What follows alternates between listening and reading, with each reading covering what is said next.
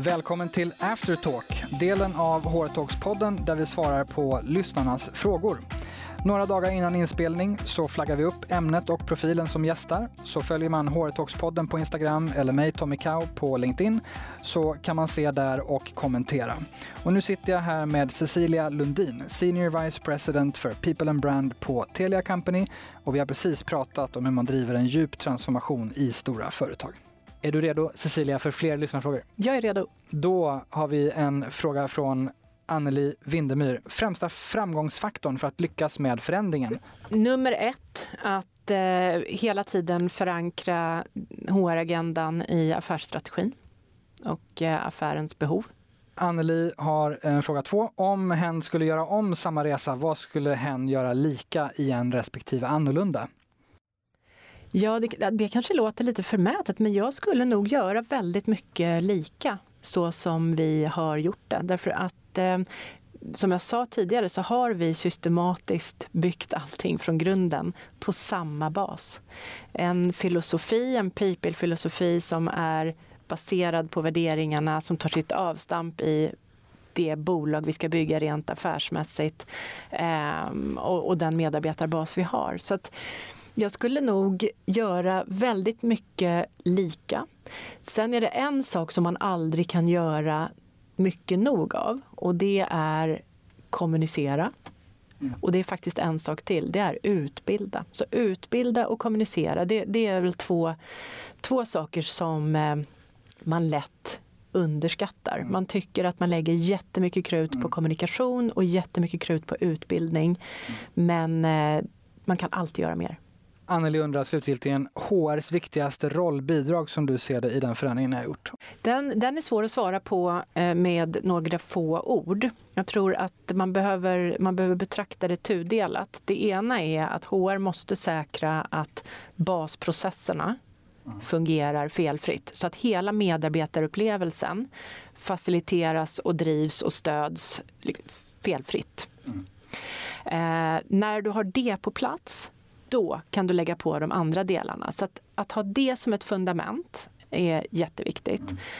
Övriga delar, om jag då skulle lyfta fram någonting specifikt som har varit viktigt för, för ehm, förändringsresan och är viktigt för förändringsresan, då är det hela arbetet med You First, självledarskapet, roundtable-arbetet, hur vi har sytt ihop hela, eh, hela medarbetarut utvecklings och performanceagendan utifrån, eh, utifrån ett arbete där vi ju tar vårt avstamp i att bygga engagemang för frågorna. Det har varit eh, kärnan. Svante Randlert pratar kultur och människor. Kultur och människor är det enda vi inte kan kopiera i en organisation. Kultur är dessutom det som skapar en intern effektivitet och en extern attraktivitet. Hur kommer det sig då, undrar Svante, att så många organisationer fortfarande fokuserar mer på struktur, riskminimering och kontroll än kultur, förtroende och utveckling. Vad är Cecilia Lundins spaning på det här? Det är en fantastisk fråga. Jag tror att det absolut enklaste svaret det är att det är så mycket lättare att fokusera på struktur eh, och eh, processer och så vidare. Eh, det är mycket svårare, mer tidskrävande, mer komplext och tar längre tid att bygga kultur. Men om du tar dig an kulturbyggandet genom att fokusera på alla saker som formar beteenden och då menar jag processer, stödsystem, allting som formar hur du gör saker och ting i bolaget. Om du jobbar med det som ett sätt att bygga kultur, då blir det ganska strukturerat. Mm. Och lite lättare och lite mera att du kan ta ner det till i bits and pieces så att säga. För jag tror att det är just den här eh, totalt overwhelming känslan av att mm. det är så stort och det kommer ta så lång tid. Eh, och det är så mycket lättare. Då kan du driva mycket mera utifrån styrning och rapportering om du tar dig an de andra delarna. Så det gäller att applicera det som är framgångsfaktorerna med hur du jobbar med styrning, rapportering och struktur. Applicera det på kulturarbetet också. Mm. Så eh, systematiserar du det. Lena Lid Falkman undrar hur retoriskt får man gehör för HR-frågor i ledningen? Är det storytelling med exempel, siffror och ekonomiska argument eller känslomässiga argument? Allt utom det sista, skulle jag säga. Du måste jobba eh, affärsdrivet, tydlig koppling till inte bara strategin såklart, utan var verksamheten och affären är vid varje enskild tidpunkt och anpassa agendan så att den fungerar med verkligheten. Eh, storytelling, absolut. Du måste ju kunna eh, paketera och eh, kommunicera och sälja in eh, varför saker och ting behöver göras på det sättet som, som, eh, som du driver frågorna. Känslomässiga eh, argument tror jag egentligen aldrig biter. Däremot eh, engagemang och passion. Genom det storytellingen exempelvis. Ja. Mm. Är det 50-50? Eller 70-30? Är det? Situationsberoende, mm. beroende på vilken fråga. Jag tror att ska du, ska du börja med att sälja in en, en större förändring, då måste du ha lite av varje. Och sen är det steg för steg, när det är enskilda komponenter så är det ju väldigt mycket saklighet, business case. Uh, och uh, tydliga mätpunkter. Hur ska vi mäta och följa upp den här förändringen? När vet vi att vi har lyckats? Varför gör vi det? Alltså alla de här mm. frågorna måste besvaras.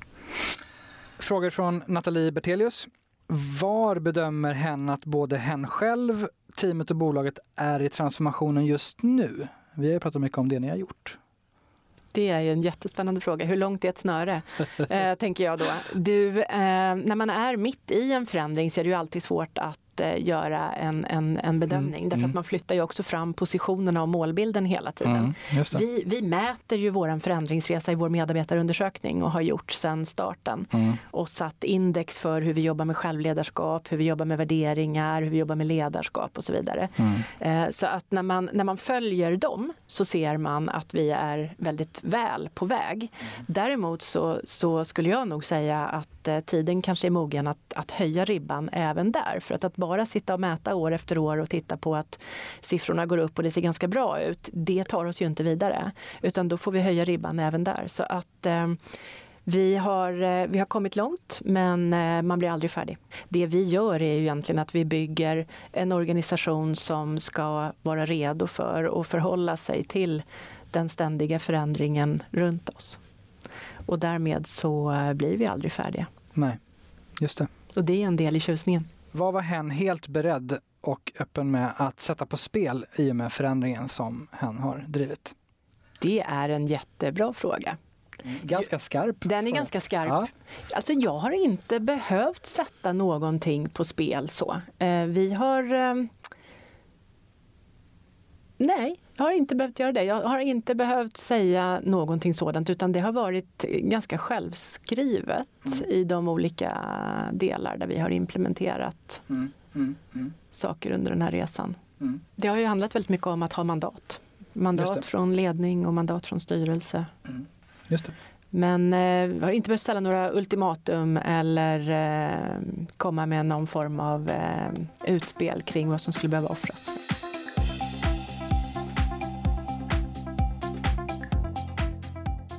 På temat förändring så undrar Louise Lennersten, hur ofta kan man egentligen förändra en kultur?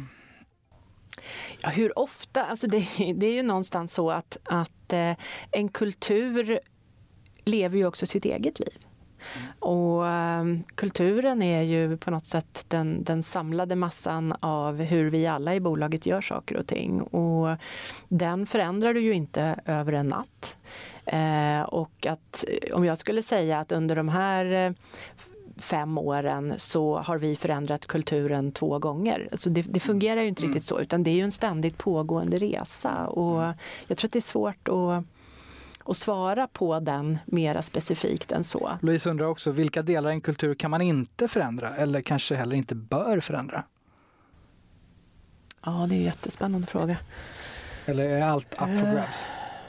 kultur är för mig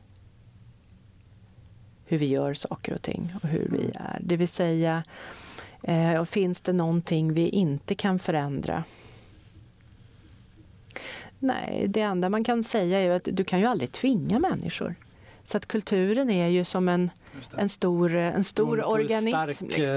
ja. den befintliga kulturen är. Så. Ja, mm. absolut. Och, och, hur mycket legacy som, som finns och vad som sitter mm. eh, djupast rotat. Det är väl så här att om du inte säkerställer att varenda process, varenda policy, varenda riktlinje, allt, allt egentligen som, som formar hur vi gör saker. Om du inte säkerställer att de tar sitt avstamp i värdegrunden och det du vill åstadkomma. Om det finns någonting där som går i fel riktning, då kommer du inte lyckas förändra kulturen. Utan allt måste harmoniera i linje med vad du vill åstadkomma. Och det är ju ett jättestort men som vi har pratat om i, i avsnittet också, om du lyfter på alla, alla stenar, då går det mesta att förändra. Ja, det gör det. Och sen kommer det alltid komma nya stenar. ja, precis. Det är skärmen med, med uh, utveckling. Vi har en fråga från Mikael Åkerman som, som också har en viss spets. Uh, Mikael säger då, när ska vi sluta ljuga för oss själva och tro att det fortfarande går att jobba på HR och inte kunna hur man automatiserar kompetensutveckling, admin och dokumentation och inse att hela tiden finslipa användarupplevelsen i HR-flödena i digitala tjänster är det nya HR-arbetet. Nej, men där håller jag helt med. Det är precis det som är HR-arbetet. Det är precis det det handlar om. Eh, däremot så tror jag inte att det går att automatisera utan det handlar väldigt mycket om eh, människor eh, i det fallet. Du kan automatisera basprocesserna, flödena, eh, men det som innebär hur du använder data, hur du använder insikter och hur du ska jobba så att säga, rent strategiskt med att flytta framåt, det måste ju människor göra. Eh, så där eh, är jag helt enig med, med frågeställaren att det är precis de sakerna som eh, vi behöver arbeta med ständigt. Tack så mycket. Och Siri Vikander undrar, hur gör hen för att öka samarbetet i koncernledningen konkret? Samarbete börjar ju med var och en av oss. Så att, eh, det handlar ju om att vara ett bra team där man har respekt för varandra och där man har respekt för de frågor som var och en driver. Så att samarbetet är absolut ingenting som jag driver i, i vår ledningsgrupp utan det, det driver vi tillsammans genom att vi driver den strategiska agendan tillsammans så att vi faktiskt sitter i ledningsgruppen med 50% i uppdrag att driva den agendan som är vår funktionella eller vårt eget ansvar och 50% att driva hela bolaget eh, framåt och den totala strategiska agendan. Och då, då blir det ett eh, samarbete naturligt. Mm. Tack så mycket. Sen har vi en eh, tråd kan man säga som handlar om kompetensförsörjning essensen av frågeställningen är någonstans att cheferna som har skrivit det här upplever att HR behöver ta bättre tag i kompetensförsörjningsfrågan. Eh, vilka kompetenser behöver vi för att möta upp mot strategin? Hur ser nuläget ut? Hur ska vi överbrygga gapet? Eh, och eh, man upplever att det här är många personalchefer som inte vill ta i det här. Tänker de fel? Frågetecken. Om personalcheferna tänker fel? ja, eller, eller de här cheferna som har kommenterat det här. Mm. Uh. Jaha, nej. Eh, alltså, jag skulle vilja svara på den frågan eh, så här. Att eh, det där är de viktigaste frågorna vi har eh, som bolag för att säkra att vi har rätt kompetens, rätt människor och att vi utvecklar de människorna som, eh, som vi har på bästa sätt för att eh, kunna leverera på det som vi som bolag är där för att göra. Därmed inte sagt att det är HRs arbete renodlat. HR har, som vi var inne på tidigare, eh, verktygslådan kompetensen att eh, facilitera, eh, stötta, coacha, hjälpa. Det är eh, våra ledare som måste säkra att det finns rätt kompetens och framförallt att man vet vilken kompetens som behövs i den delen av verksamheten där man leder. Det är ett samspel. Så det är ju HR och ledare tillsammans som med hjälp av de HR-processer vi har i form av workforce planning, i form av eh, jobba med att identifiera nyckelpersoner, talent management och så vidare. Eh, det, det är där det sitter, men det måste vara ett gemensamt ägarskap för det. Man kan aldrig peka på HR-funktionen och säga titta nu är inte vi konkurrenskraftiga för ni har inte tillgodosett talangförsörjningen i det här bolaget. Det är ett gemensamt arbete och det är ju ganska naturligt mm. därför att det är vårt gemensamma intresse. Sen har vi olika roller i det. Mm. Ingen kan backa. Mm. Bra, tack Cecilia. Um, svar på tal och uh, bra frågor. Väldigt bra frågor. Ja. Spännande Man frågor. Liksom Man skulle kunna djupa länge i dem. Ja men verkligen. Uh, det ska vi inte göra längre för att uh, nu har vi gått igenom de frågorna som vi har fått. Tack alla ni som, som ställer frågor och engagerar er. Det är tack vare er som eh, eh, vi ser till att ha eh, relevanta diskussioner och, och inspel här. Och vi försöker svara på alla frågor som kommer in. Tack Cecilia Lundin för att du ville vara med och svara på fler lyssnarfrågor. Tack själv.